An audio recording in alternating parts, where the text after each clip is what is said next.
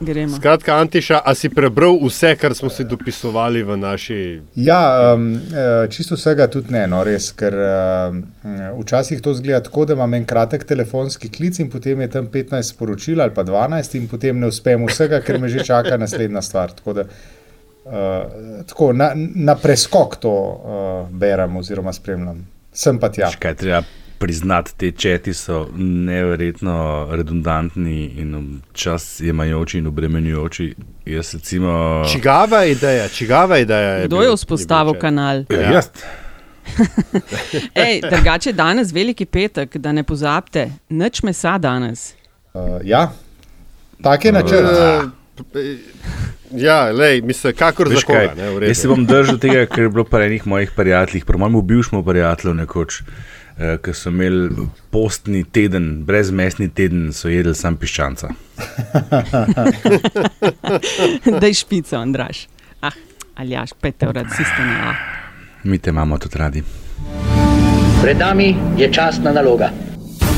Veliko pa je tudi drobnih, a prijetnih stvari, za katere dolgo ni bilo časa. Kar se je bi ga nekdo mora boriti za otroke. Več afer, kot bodo sproducirali, bolj bom grizla in sekala lovke. Ugotovljeno je, da gre za prevaro, da ta prevoz in teh 3 milijone mask ni nikoli obstajalo. Mi nismo ničesar plačali, tako da eh, v tem primeru zagotovo ne gre za goljofijo. Pa bom spet eh, s prispodobo udaril, da ne bo eh, izpadel nekonsistenten. To je LDGD, podcast ki nikogar ne podcenjuje in ničesar ne jemlje preveč resno. V imenu svojih najbližjih in v božjem imenu vas pozivam na lov.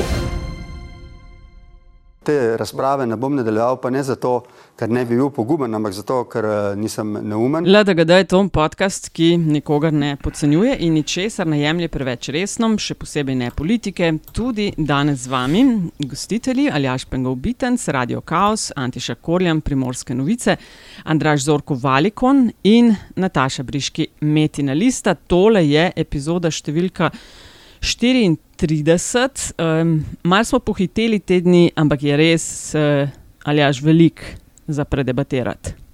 Ja, tako rekoč uh, smo depeširali. Yes. In smo rekli, da danes uh, imamo spet, bali smo se, da ne bo kaj zapovedati. Bo in je. Uh, imamo na pladnju torkov nagovor predsednika vlade, ampak ne zdaj ali ne, na ali ne, pač pa kaj se dogaja, da ne zamudim niti sekunde, da ne bi mlatil na okolje, a imajo znotraj SDS-a težave ali je to mogoče del kakšne strategije. Uh, potem, uh, valjda se vonja že kampanja za predsedniške 2022 in kje zna biti v tej enačbi, če Ferin in seveda mogoče s tem celo lahko začnemo najbolj vroče ta moment. Um, Prve razpoke v koaliciji, nekaj duelov se je odigralo v zadnjem tednu, dveh na odprtem, hkrati pa tudi veliko račun z mediji in afera z Depešo. A se strinjate, da začnemo s tem? Ja, ja, kar. Um, z, z, te, z to medijsko. No, lej, Antiša, kar izvoli, uh, kako doživljaš kot urednik enega od medijev vse to? Ja, jaz sem šel to, jaz sem šel to depešo seveda brati. Ta depeša šepa že eh, na nekaterih mestih, ki sem jih tako na hitro, ko sem bral, tudi na faktični ravni šepa. Se pravi, lahko govorimo tudi delno o fake newsu, lahko govorimo o prikrajanju. Uh, sicer pa tako, če se za en trenutek uh, pohecam, res je škandalozno, da ima marsikater slovenski medij uh, korenine v bivšem komunističnem sistemu. Ampak jaz sem šel potem pogledat in recimo ameriški tednik Time. A veste, kdaj je bil tednik Time ustanovljen? Bil je ustanovljen Tam, 50 ne, v, 30, uh, v 20 letih, na tanko eno leto Na tanko eno leto, preden se je načelo represivne, dela represivnega aparata v ZDA zavihtel zelo glasni J. Edgar Hoover. Zdaj Aha. pa. A se mi lahko pogovarjamo, da je Time uh, zločinska, vohunska in tako naprej uh, medijska organizacija, po mojem, ne. Skratka, če, uh, če probam biti mal resen. Ne? Uh, jaz mislim, da je uh, opletanje s tem po eni strani pričakovano, po drugi strani presenetljivo, zaradi tega, ker bi človek pričakoval, da imajo gospe in gospodje v vladi kakšne pomembnejše opravke, kot uh, obračunavati z, uh, s tem, kje koreninijo slovenski mediji. Uh, sicer je pa tudi tako, da jaz kar nekaj, oziroma veliko, veliko, veliko večino uh, odgovornih urednikov ali pa urednikov slovenskih medijev poznam osebno, nekatere štejem za svoje prijatelje, z nekaterimi uh, se tako ali drugače družim in sem povezan že kar dolga leta. Um, nekateri so bili zraven tudi, ko je prejšnji zločinski sistem uh, padal in so pri tem v veliki meri pomagali. Ne. Uh, skratka, v obdobju, ko je bilo nevarno se izpostaviti, so se ljudje, ki so danes uredniki medijev, uh, izpostavili. In uh, zdaj te ljudi, uh, te medije, v prvi vrsti pa medije, diskreditirati na, uh, na osnovi tega, v čem oziroma v katerem obdobju imajo svoje korenine, se mi zdi popolnoma deplasirano. Uh, hkrati to seveda je res. Ampak vleči usporednice, da to, da je bil medij ustanovljen leta 45, 47, 48, ko pač demokracije tudi oddaleč ni bilo, Uh, s tem, kaj ti mediji počnejo danes, se mi zdi pa tako um, zelo vratolomno početje z vidika verodostojnosti. Mm. In bi se pravzaprav, Andraž in bi se prav, vprosti, Nataša, in bi se pravzaprav ne, sorry, tukaj ustavil, uh, tukaj ja. ustavil, zato ker se mi zdi, da pa po drugi strani več, ko damo, več, ko damo vetra uh, tej, rečemo, v narekovajih, aferi, um, večjo uslugo ji delamo. Zato, ker v enem, delu, v enem delu javnosti seveda te zadeve držijo, so resnične, mi vsi, ki delamo uh, v medijih, smo plačanci kominterne, Soroša, pač zdaj zberemo si našega naročnika. Um, ampak uh, za en ne tako majhen del javnosti, pa mislim, da te stvari držijo. In zdaj, če mi to uh, na veliko o tem razpravljamo in dajemo temu težo, pravzaprav delamo veliko uslugo avtorjem te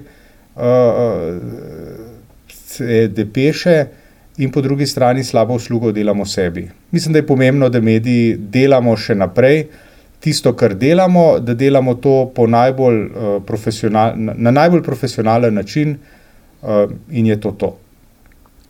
Zdaj sem bil pa že skoraj ja, tako dolg kot aljaš zadnji.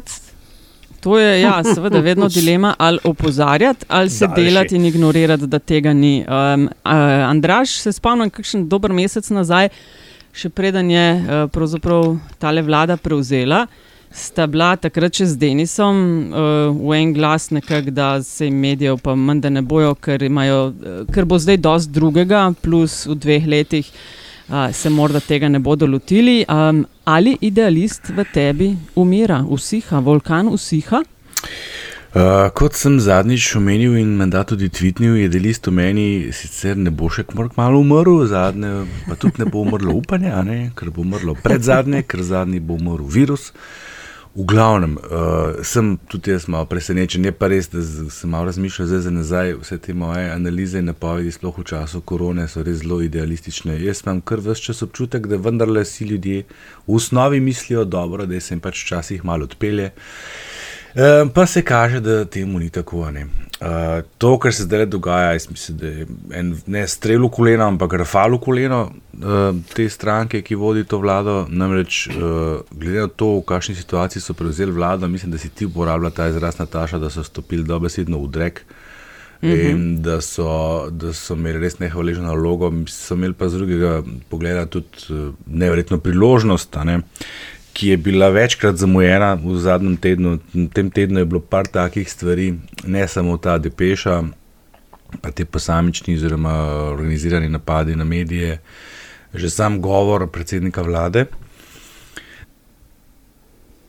V času, uh, kdaj je bilo to, v torek? V torek, ja, ja. Torek, ja. Ne, uh, je, bil, je bil najbolj, najbolj indikativen. Tisti prvi del, tistih prvih 5 minut in 24 sekund je bil pač izrazito državniški, tako kot bi človek pričakoval. Ni se preveč trpljal po ramenih, mečkam pa se je vendarle potrkal po prsih, zvideti je bil izmučen, torej dela, ne spi veliko, ker dela za nas, za vse. In do drugega spoštovanja je bila ta stranka, po mojem, na že blizu 50%. Ne.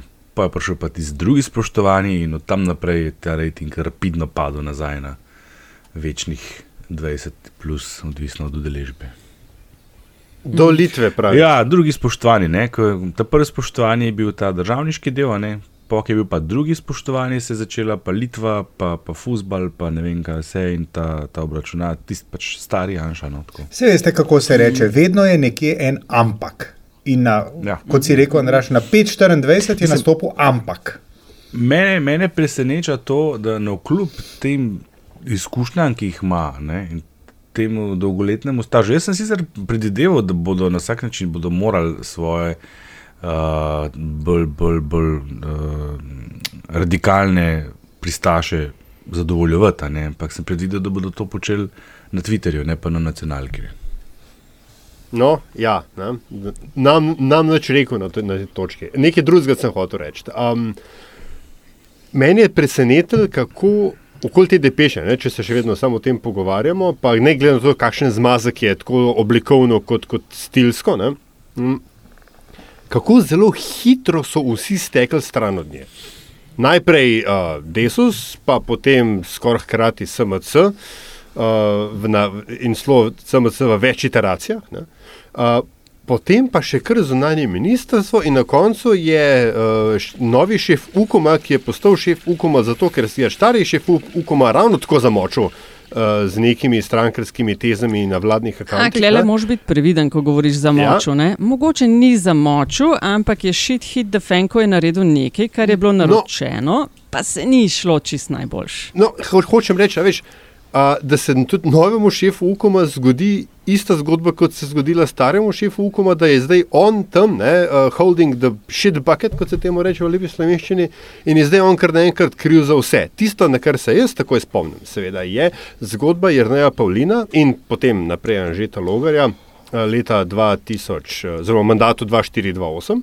Ko je uh, Jrnej Polin dal neko demaršo uh, v Ukomu, da se z mladino ne komunicira, je cel halo, Jrnej Polin je odstopil, kot bi glasno govorec vlade, ali kako že. Uh, in potem je Anžel Logar, aktualni zunani minister, seveda, ki je imel potem pa v času predsedovanja neko podobn, podobno Šef Ukoma. uh, zgodbo Ja. ja. z, z tistimi um, mapcami. ko so, Ja. mapcami, ko so jih dajali novinarjem, eh, ki so v Ljubljani pokrivali predsedovanje. ne. Um, ampak človek bi si mislil, da so se iz teh dveh incidentov kaj naučili. Očitno ne dost. No. Jaz bi na tukaj sam povedala, mogoče za tiste, ki ne poznajo čist geneze teh, eh, tega eh, boja proti medijem. Se pravi, vse skupaj se je začelo, če- za tiste, ki niso čisto od začetka spremljali. 20. marca je bil tisti izvoren Janšov tweet, ki je vse sprožil. V tistem tvitu je on eh, rekel, če se spomnite, ne š- na RTV, ne širite laži, preveč vas je, predobro ste plačani in tako dalje. Sledil je odziv DNS-ja, pa uh, vodje RTV-ja Kadunca. Vsebina je bila potem tudi del poročila komisarke Sveta Evrope Mijatovič. V tem poročilu je obsodila pritiske na medije in mi smo, Slovenija, bila skupaj omenjena z državami kot Rusija, Azerbajdžan in podobne, kjer je svoboda medijev uh, nekaj, kar je samo na papirju. Uh, pritožba na OVSE je sledila, kjer pa imamo. Aljaš, ti si v naši interni komunikaciji tudi včeraj opozoril dva primera odprta. Ena je primer zgaga, in druga je prijava zaradi izvornega tvita Janeza Janša o preveč in tej preplačanosti in pogroma na RTV. In temu je sledila pa pred dvema dnevoma ta neslavna depeša, ki si jo zdaj podajo kot vroč kostan. Yes, yes, yes. Tako le nekako je šlo. Ne. Uh, in to, kar se dogaja tudi z samim RTV-jem, je, je res žalostno, ne, ker kar naredijo, ni prav. Ne. Zmoti ga vse. Pred dnevi je recimo imela širok uh, javljanje skupaj z gostom Lenarčičem, v katerem vpraša. Ali je Slovenija zaprosila za pomoč iz sklada eh, za civilno zaščito, ali kaj imajo že na Evropski uniji, In Lenarčič reče: Ne, Janša tvitne, da je to laž. Ampak laž ni bila in si je potem tale tweet umaknil. Skratka, zmoti ga vse in njih SDS. Zakaj o epidemiji govori Trumpuš in ne Beovič? Zakaj ne, vem, ne hvalimo ukrepov, ampak o njih samo poročamo, kot bi rekli? Zakaj se ubadamo z naročili mask, ne pa v tem, da je za vse kriv šarec? Ne? Tako da to, mislim, se vem, da veliko časa dajemo temu, pa je Antiša to rekel, ampak to so resne stvari, ki se jih grejo. Kaj imajo lahko resne posledice? Preden smo začeli uh, tweet, uh, tweet, snemati, uh, je um, ne vem, bil Aljoša Harlamo ali kdo, uh, ali pa Mito Gigič, ne, uh, pripomnil, uh, da je zgodba o škorpionu in žabi dobila nov twist. Ne? ne samo, da je žaba zdaj presenečena, da jo je škorpion kljub vsemu pičil, potem ko ga je nesla čez vodo. Ne? Oziroma ga nese čez vodo. Zdaj se žaba od tega celo distancira. A veš, zanima me, ali je, je, je to res tako presenečenje, da se to dogaja? Ali je, ali je nepričakovano zgolj v kontekstu pandemije, za katero domnevamo, da vendarle mogoče nekaj bolj pomembno? Ne, nepričakovano je v smislu, uh, da bi res človek mislil prvič, kot, kot je bilo tudi rečeno, da so se uh, iz preteklih napak oziroma iz preteklih ne najbolje obrestovanih potez nekaj naučili. To je prva stvar.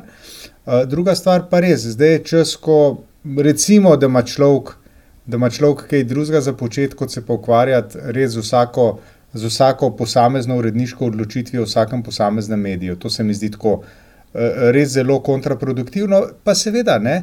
Po drugi strani pa svetli zgledi ZDA vlečejo, sej Trump ne bom rekel, da ne počne, ne počne drugega, ampak počne, počne zelo, zelo enake reči in pač svetli zgledi mm. vlečejo.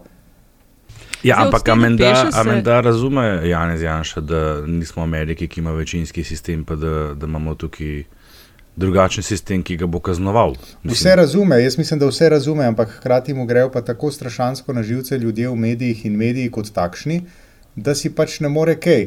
Jaz bi tukaj še eno stvar bi pa uh, le rad povedal. Če pristanemo na tezo, da je velika večina uh, mainstream medijev v Sloveniji uh, izpostavila Soroša, Kominterne in pač teh nekih uh, napol zločinskih organizacij, ne? in na drugi strani uh, neki nišni mediji, ki so pa, ki so pa strumno na, na, uh, na liniji sedanje vlade. In če potem rečemo, ok, ne vsi so, vsi so ne, nekogaršni plačanci in hkrati se vsi trudijo za to, da izgledajo kot resnični mediji. Tukaj bi jaz vendarle nekaj rekel.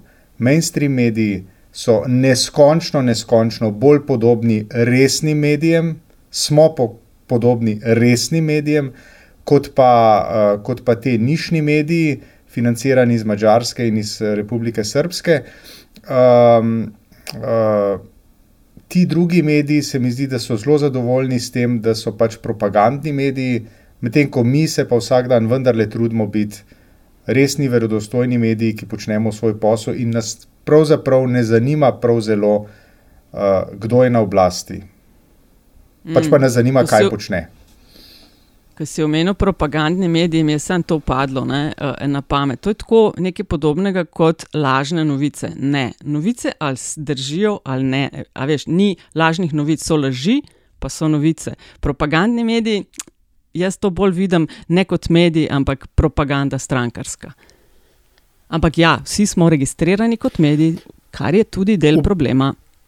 Vprašanje ja, ki iz tega sledi, je, ali je to, in je to tudi Nataša na začetku vprašala, ne, ali so to resne razpoke v koaliciji, ali je pač to nekaj, kar bo čez tri mesece pozabljeno, ker bo vmes. Cel kup drugih eskalacij. Jaz, in, mislim, in, in ja, jaz mislim, da tukaj lahko vsak pove dva stavka, in smo tudi s to dilemo zaključili. Jaz mislim, da zgodilo se ne bo na tanko nič.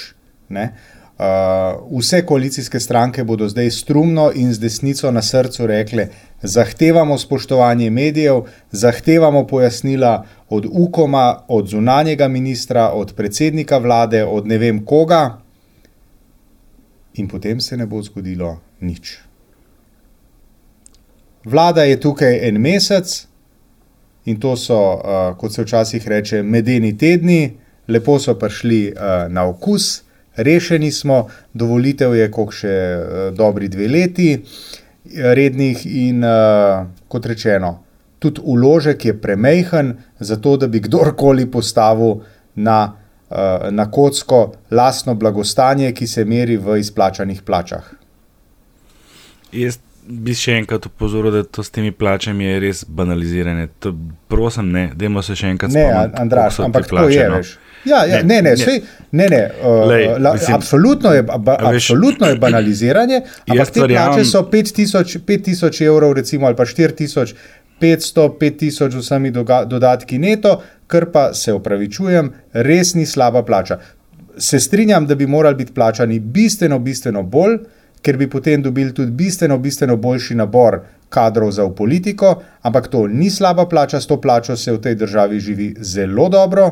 Brez te plače se živi pa bistveno, bistveno slabše. Se strinjam, je banalizacija, je profanizacija, če hočeš, ne, oziroma če hočete, ampak jaz mislim, da v veliki, veliki večini primerov gre na tanko za to. Treba je preživeti do uh, naslednjega meseca in s tako plačo je to bistveno lažje kot s plačo, ki si jo dobival mogoče preden si šel v politiko. Sej, sej vsi vemo, vsi vemo, ka, marsikdo, kaj je marsikdo počel, preden je prišel v politiko, in vsi vemo, da je živel bistveno slabše, kot živi zdaj.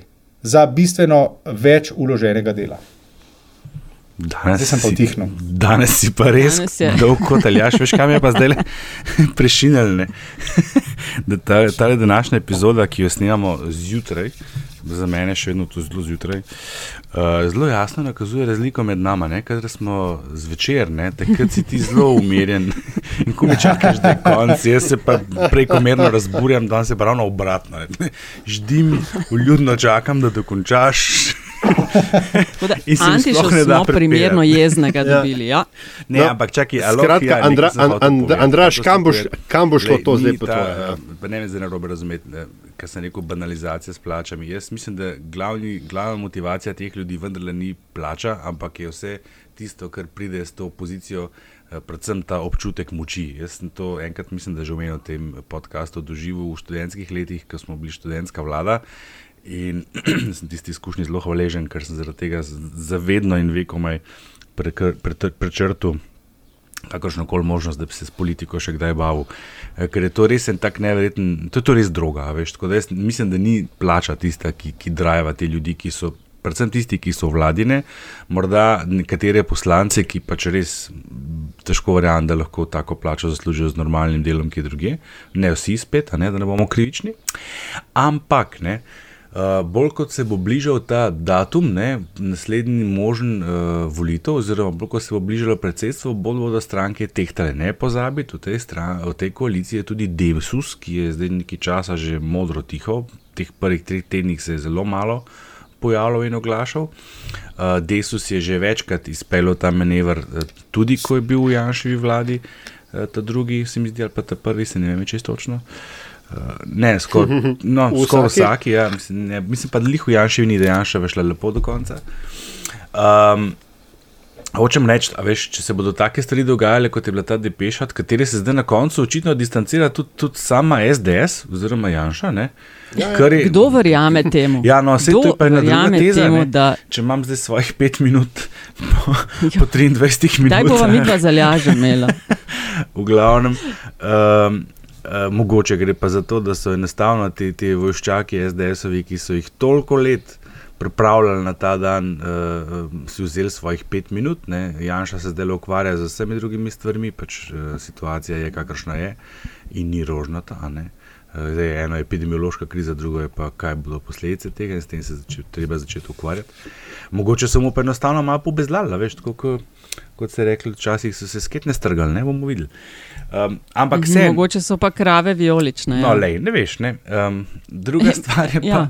ne, jaz dvomim, da je bilo to navodilo, da ne to naredijo. Jaz mislim, da tole. Zakaj dvomiš? Takšno je delovanje. Mislim, tist, ki misli, da si je Urbanija na Ukomu to sam spomnil in poslal, da za to ni vedel niti MZZ, niti kabinet KPV-ja, je le bodi si po juhi pripravo, bodi si nima pojma, ali pa je totalno naiven.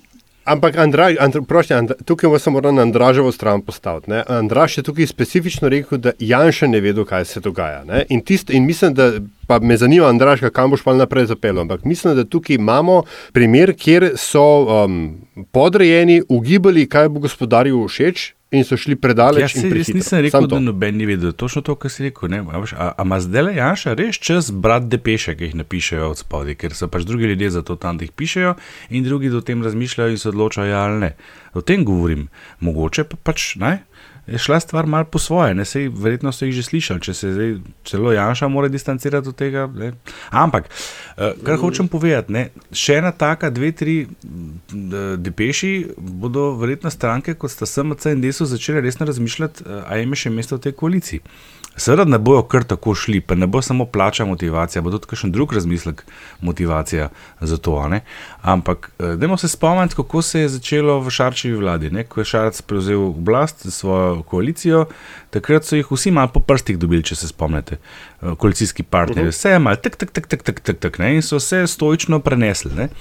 A vidi ga danes, ne? ta, ta način se ni prav dobro obnesel. Ne? Ja, Šarec se je obnašal zelo podobno kot Janša. Ne? Zdaj sem pa jaz predsednik vlade, noben ne bo šel ven iz te vlade, zato ker noben noče volitev, na koncu je šel pa sam ven iz vlade, ker ni mogel več s to koalicijo delati, ker jih je preveč po prstih mlato. In če bo Janša počel isto, se bo po mojem tudi le isto zgodil. Lej, se, se, se ima tudi on to šolo, pa očitno smo pogruntali, da se jih teh šol več ne uči.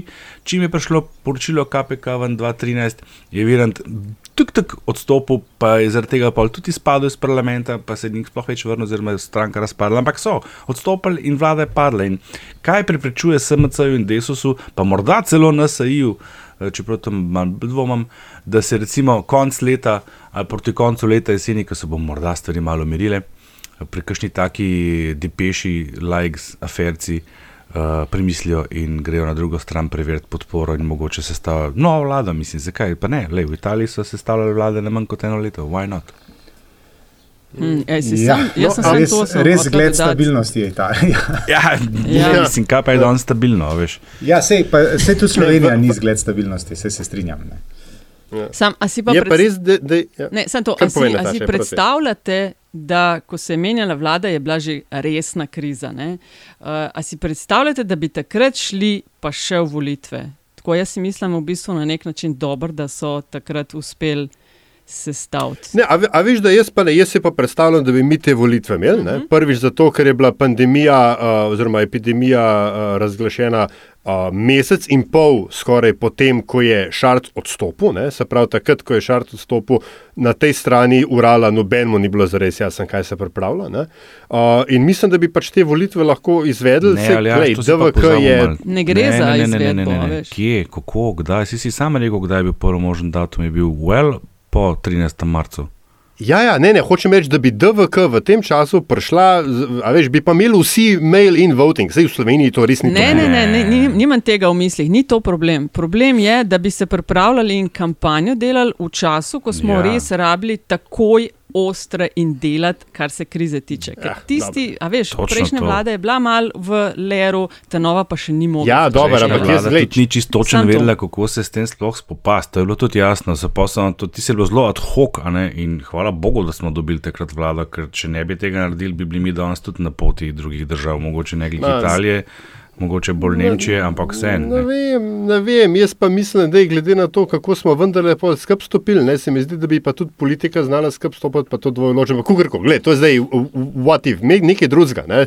Pri premislekih o uh, repozicioniranju v političnem prostoru, seveda treba na hitro omeniti tudi dejstvo, da 2022 ne bojo samo parlamentarne, ampak tudi predsedniške volitve. Ne. In zdaj, kje je tukaj noter stopi Aleksandr Čeferin?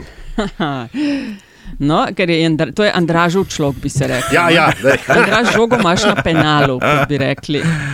O, a veš, da sem jaz pred tem, vsem tem čist pozabil na, na predsedniške volitve kot, kot Ja, eh, ja, opcijo. ja, tako ja. da hvala, ja, ker na te In vedno malo lokalne, a ne bodo tudi lokalne takrat. Uh, mislim, Ehm, da.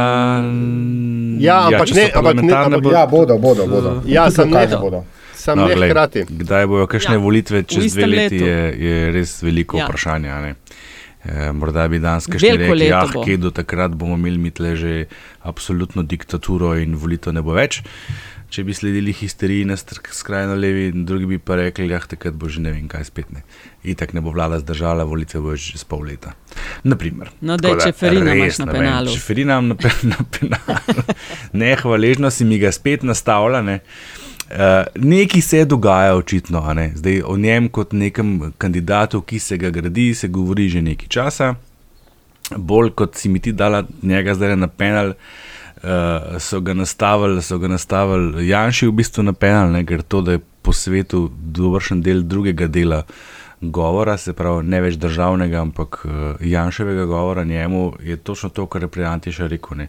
Zakaj zdaj mi govorimo o tem, s tem dajemo temu pozornost, ne pač naredijo veliko napako v resnici tudi s tem. Ne? Zdaj, mene tudi res zanima, ne? odkje in zakaj se Čiferin pojavlja v točno določenih trenutkih, ker se ni pojavil zdaj le prvič, ko so bile te maske donirane, pa, pa s komentarjem, pa sploh ne. Tudi že kdaj prej smo bili priča temu, da je Čiferin nekaj komentiral, ker ni imelo direktne povezave z žogoborcem. In potem se človek seveda lahko upravičeno sprašuje, why. Kandidat kot tak je zelo primeren, saj v tistem času pred epidemijo je zagotovo bil kot, kot odvetnik, ne eni, oziroma predvsem kot predsednik vseh futbalerjev v Evropi. In ker so bili pač taki časi, ne, bolj, bolj uh, igr kot kruha, zdaj prehajamo zdaj v eno drugo obdobje. Še, zdaj še ne, ampak čez nekaj časa pa bo bolj kruh od spredi kot igre in dvomim, da je Čeferin takrat pravi odgovor za to. Uh, to govorimo o tem, kar sem vedno govoril, ne, kontekst določa zmagovalca volitev. Zdaj lahko pa da, seveda, da se štarta pa na, na paharjev položaj, ker se je pač videlo, da kakorkoli je ta, ta predsedniška funkcija relativno benigna, da čist nemočna, pa spet ni.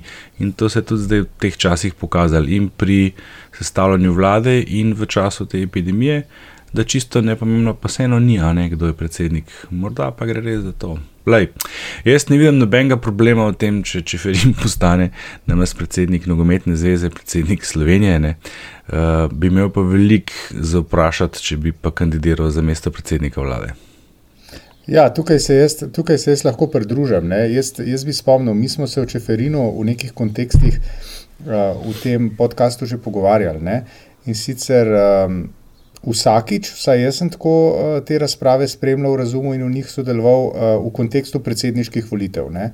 Uh, namreč leta 2022 se bodo karte, kot se reče, uh, res uh, delile na novo. Ni nekoga, ki bi bil v tem trenutku viden kot uh, uh, rekel, očitni pretendent na mesto uh, kandidata za predsednika republike, morda z izjemo v tem hipu Marjana Šarca, ki je enkrat že poskusil. Um, in takrat, takrat smo se pogovarjali o tem, da pa mogoče nekdo, ki je zunaj naredil razmeroma bleščečo kariero, se pravi, se povzpel na mesto evropskih futbalistov. Razmeroma.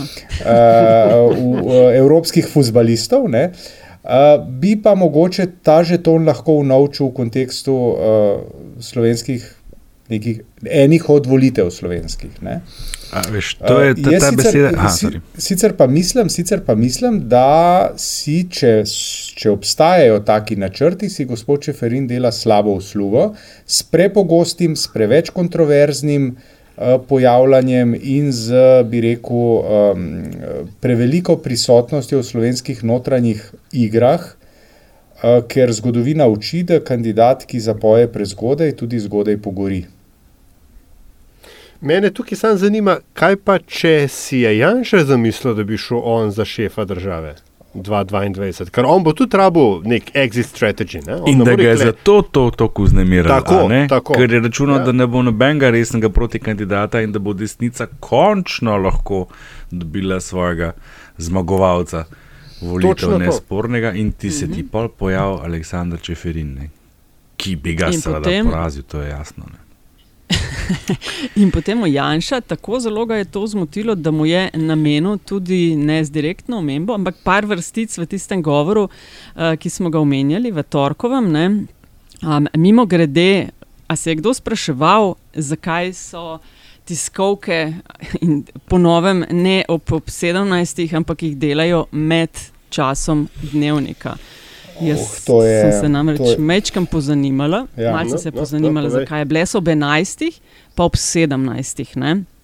Um, vmes so se pred dnevi v kabinetu odločili, da bi pa uh, premije nagovoril ljudstvo in so posnali, posnel ga je kabinet, posnetek so tik pred odmevi, zdaj govorimo o eni zadevi pred Torkovo, so tik pred odmevi poslali, 8 minut je šlo v oddajo, ostalo na tretjem programu. Seveda so skočili v luft, takoj cenzura, gor dol. No, v torek popovdne so pa iz kabineta sporočili, da me je res zanimalo to od teh medijev, napadov in teh tiskov, zato sem uh, vseeno obrnil malo telefonov, da ne bi na približno danes govorili. V torek popovdne so sporočili, da bi pa on imel nagovor med dnevnikom, da bo par minut, da bi, če bi lahko, direkten prenos, ker kraljica ga je tudi imela. Uh, In gre na oder in govori 20 minut. Zdaj, celota je bila na tretjem programu, na prvem grejo pa po sedmi minuti ven. Ja, to, je, to je nočna, se... nočna mora za urednika, seveda je. Ne? odgovornega urednika. Mislim, to, je, veste, to, je, to je grozno. Ne? To je. Ne? Pričemer, se ne dela. Uh, ja, se strinjam, pričemer, pričemer pa je tako. Um, se je za vprašati res, zakaj štartajo na dnevnik. Kaj ti, če bi se dogovorili in to ustrezno spromovirali, uh, da bo imel nagovor ob 20. Je, jaz mislim, da bi bila ta poteza bistveno bolje sprejeta, pa ne govorim zdaj sploh o medijih, ampak bi bil to nek programski pas, ki bi bil Tako. izreden, ob 20. predsednik se vklopi, ob 20.30 gre ven in potem se nadaljujejo vsi gorski zdravniki in vse, kar pač je ob tisti uri na televiziji. Zdaj ta uh, poseg ob 19.00, uh, zato ker sem si jaz skozi mislil, je pa res brutalen uh -huh. in mhm. povzroča nič drugega kot uh, veliko, veliko, veliko težav tistim, ki urejajo vsakodnevno in operativno te informativne oddaje. Da pa po drugi strani aparatu, ki je zadaj in uh, vsem tem uh, uh, trolom z ene in druge strani, pozor, z ene in druge strani, leve in desne. Na družbenih omrežjih, da pa ogromno municije. Ker kadarkoli, mhm. kadarkoli boš ti naredil piko v nagovoru predsednika vlade, boš to za en del uh, javnosti naredil na robe. In če ga boš pustil več kot 12 sekund, če karikiram, bo za drugi del javnosti uh, si ga pustil bistveno dlje noter. In potem se to seveda mm. kuri in rola, in seveda uh, vsi modrijani imajo zelo veliko zapovedati. Jaz mislim, da bi mm. bila zelo civilizirana poteza. Ob 20.00 predsednik vlade gre noter in je lahko do 20.30, 20.40, 20.50 lahko zaradi mene noter, kolikor želi. Da, vprašajmo se, kdo bi potem to še do konca gledal, ampak ok, ne, bi bilo zelo civilizirano, ne bi bilo potrebe, da se ga ugasne, prekine, ne je bilo potrebe, da se ga potem na nekem tretjem programu nadaljuje, in tako naprej. In tako naprej. Najavljeno bi tako, bilo naprej, vsi bi to pa... vedeli. To se naredi v skladu z dogovorom. Bodi si pred dnevnikom določena minutaža, bodi si po njej. Vmes pa javiti par minut prej in pričakovati, da zdaj ali bo to 10 minut ali pol ure ali 2 uri, oprostite, tako pa ne gre. Se, ne? veste, se, verjetno, se, se, verjetno, se, verjetno, se verjetno to vedo ne? in to bi UKOM moral skomunicirati, ampak UKOM je bil. Eh, preveč zaposlen z uh, fabriciranjem tiste depeše, pa pač ni uspelo. Veš, kaj, jaz, se, jaz se bojim, da to delajo za bazo, ne? ker vejo, da ti ne moreš tega v celoti uh, objaviti, da je treba nekje prekiniti in to samo prilije olje na ogen. Kako se dela cenzura, kako našega vodje pa ne pustijo? Ampak, a vidiš, a vidiš tudi, tega, tudi tega ne štekam, ker baza bo v vsakem primeru vprašala, kako visok je treba skočiti, ko bo Uni rekel hop. Ne? Veš, zdaj, zakaj vsi to, kar delajo, samo antagonizirajo potencijalne neke sredinske voljivce, tiste, ki jim jih je Andraš v navalu optimizma potencialno pripisoval, če bi odigrali svoje karte dobro. Pa jih ne, očitno, ker ne, ne vem, ali se bojijo, bojijo, da jim bo ratalo. A veste, kako rečejo? Podlago za dar, mar na RTV. A veste, kako rečejo tehnični uredniki, stari uniše, ki so v svincu delali, ne, kot se reče. Oni rečejo, veš kaj, jaz, mi, mi skozi skrajšamo tekste v časopisih, ne se veste. In oni rečejo, veš kaj, dolanca pa preširna, pa kardelja smo krajšali, pa ne bomo tega le, ne vem, pač kogarkoli imaš že skrajšali. Preširna, dolanca pa kardelja smo krajšali, kaj ne bomo tega. Hej, um, a smo mi, a se lahko potrudimo za zadnjih 30, ja, da bi no. želeli, Andraš, še kaj dodajati? Povedanemu. Uh, ne, glej, kaj ne rečem, ste že vse povedali. Dobro, pejmo na zadnjih 30, eh, lahko kar jaz začnem, razen če nima kdo posebno željo. Ne? Pa izvoli. Okay. Hvala lepa, ker javila sem se, ker imam še eno na medije, no mojih 30 je v luči obračunavanja z mediji. Ta vlada je začela mandat v izjemno napornem obdobju, v času, eh, ko je začela in to razumljivo zapovedovati, da si natikamo maske. In prva podoba te vlade so bili njeni ministri in ministrice z maskami na obrazih. V retrospektivi pa lahko to simboliko morda gledamo tudi v luči vojne z mediji, ko se zdi, da si največja stranka v koaliciji bolj kot vse pravzaprav želi natakniti na gobčnike, na ene od čuvajev demokracije in to so smo mediji. In ne, to ni ok. In če si že začela z mediji, bi, če smem nadaljeval z mediji tudi sam in tokrat bi se pohvalil. Ne? v teh dneh se mi zdi, da v ponedeljek bo minil en mesec od razglašene pandemije, karantene in napovedi umiranja javnega življenja.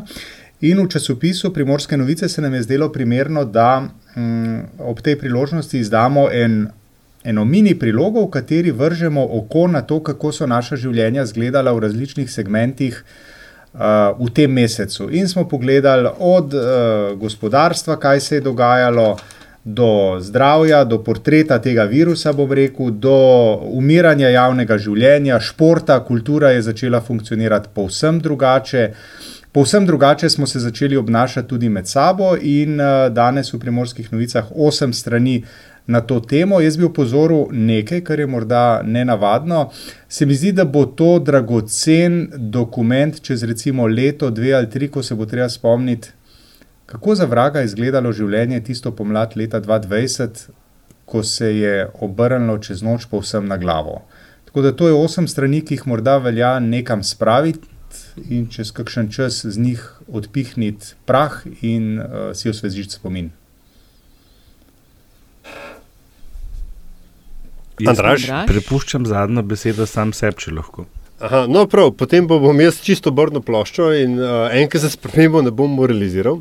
Um, dvojna doza džina, tonik, um, do vrha kozarca led in noter stisnjena ena cela limeta.